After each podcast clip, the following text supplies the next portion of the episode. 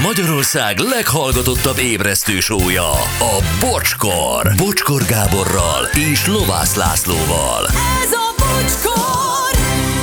Pont 3 van, és ahó a stingborom. Na, Jön úton. a stingborom. Mesélj róla. Azt tudom mondani nek- ne- nektek, hogy Gábor, stingbora beszerezve, igyekszem mi hamarabb eljuttatni hozzád.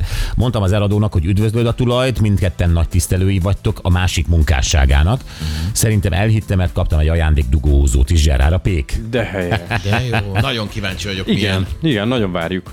Igen. Jó, van, várjátok is, és majd elmondom. Azt hiszem, hogy egész jól körül tudom írni, hogy milyen a bor. Majd másnap. Jó, jó, Jó? jó. Jó. Hát figyelj, csak, csak ide érkezik, szóval azért meg tudjuk csodálni, nem Laci? Persze, hát meg lehet simogatni, meg lehet a címkét csinálni, lefotózhatod. Ó, ennél, ennél te csapatban gondolkodóbb vagy. Ó, mekkorát tévedsz, Juri. De örülök, hogy félre tudtalak vezetni. Nem tudok hatni a lelkedre? Nem, nem. Kedves uraim, 1996-ban nyerte meg nagyanyám testvére az ötöst, akkor ez 600 millió volt, óriási pénz. Sorozatos rossz befektetések a családban, állandó családi viszályok, befutcsolt vállalkozások, tönkrement életek, alkoholizmus követte mindezt, üd pacalfaló. hát ez az. Nagyon nagy testvére volt ez 96-ban. Nagyon kemény. És az, hogy oké, okay, valaki rosszul bánik a pénze, és a 600 milliót azt így eltapsolja, vagy olyanokba rakja, ami utána csak viszi a pénzt. De, de nem a- ez a klasszikus, amit lehet olvasni állandóan. Igen. Csak hogy a másik része, a családi viszály, az a nagyon durva, ami ettől lesz. Mert nyilván nagyon sokan azt fogják a környezetében gondolni, hogy figyelj, 598 milliót nyertél, hát az most 8 millió, a végéből nem hiányzik nekünk, meg pont jól jönne. Vagy Hát szóval... És csak ilyenek veszik körül az embert vélhetően. Aha. Nyilvánvalóan főleg családi körben az ember szívesebben ad, és aztán gondolja, megveszi ugye az első komolyabb vagyontárgyait, mm-hmm. valakit mondta, ha ő megnyerné, már a székházból menne a Mercedeshez és egy Maybachot rendelne magának. Tehát, hogy ez, ez így nagyon gyorsan történnek ezek a dolgok, és az ember nem tudja kiszámítani azt. Egyrészt a luxus élet sokba kerül. Nem csak megvenni, mm-hmm. hanem fenntartani. Bizony. Tehát ezt ne felejtsük el. Ez az egyik. A másik, hogy mi az az anyagi ö, tartalék, ami egy ilyen élethez kell, hogy ez folyamatosan fenntartható legyen.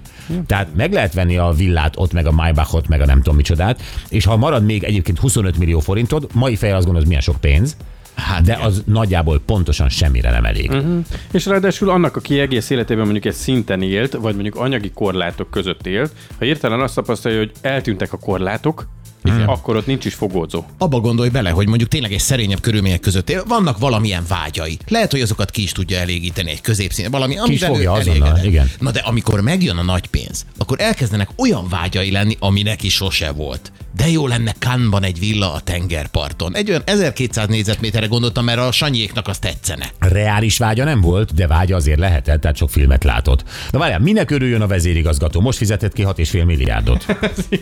Okay. En sír az irodában. Fogorvosnál voltam, de beszarok rajtatok, Gyuri ma gyilkol. Szuper geniális a műsorjáró pozsony. Nagyon köszi. Sajnos a nővérem fia 20 milliót kapott, eladta az örökségét, és fellengzős lett, lenézett minket sajnos. Nick. Oké? Okay? Mikor megnyertem pár milliót, a feleségem még jobban szeretett. Ahogy elfogyott a pénz, el is vált tőlem. Géza.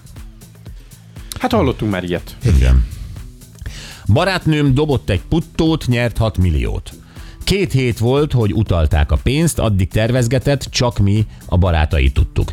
Addig normális volt. Aztán, ahogy költekezett, nekiállt affektálni, kényeskedni, totál kifordult magából, titkolózott, lekezelő lett. Elengedtük. Aztán elfogyott a pénz, na akkor a tétel az, de nagyon megváltoztatta. Tehát, hogy nem akkor a tétel az, de nagyon megváltoztatta ez a 6 millió. Most majdnem olyan, mint volt, de belebolondul a játékba. Havonta 250 ezret költ. Nyert kisebb összegeket, 500 ezeret is, de a millióst várja újra. Már nem az az ember, hiába próbálkozik, kár ezért az egészért. Milyen érdekes, de mondjuk a másik oldalra is kíváncsi lennék, hogyha a, a környezetének hogy változtatja meg a megítélését. Tehát, hogy mit tudom én, az irítség, ilyesmi, hogy változtatja meg azt a képet, ami addig kialakult arról az emberről, aki éppen nyert. Hmm. Szóval Igen, hát Igen, csak van. ez a fellengzős lesz velük, meg lekezelő, meg nem tudom. Egy tehát, 6 hogy- milliós plázacica, hé? Igen. Igen. Mondjuk egy nagyobb nyereménynél most nem a 6 millióról beszélünk feltétlenül, de mondjuk tényleg, hogyha addig volt neki egy 80 négyzetméteres lakásra igénye, és akkor utána lesz neki egy 260 négyzetméteres házra igénye, akkor lehet, hogy elkezdi az ember egyébként ö, azt érezni, hogy és kapcsolatokban is másfajtára van igényem. Nem rátok. Igen, de ebbe sajnos sokan belebuknak, hogy bár sok pénzük van, de az úgynevezett high society-hez most érts jól, ö, egyszerűen nem tudnak becsatlakozni, tehát nem működik. Rengetegen Monte Carlo-ban csalódnak, tehát hogy oda mennek a nagy pénzükkel, vesznek maguknak lakást, nem tudom, akár hát valamilyen igen. kis hajót, vagy izé, csak éppen a társas, társadalom nem fogadja be.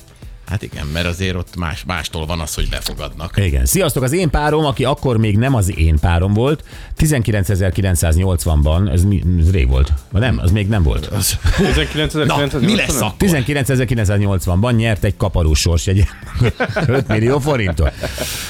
Akkor 19.980-ban 5 millió forintot fizetett a kaparós sorsjegy. Nagyon rossz játék az.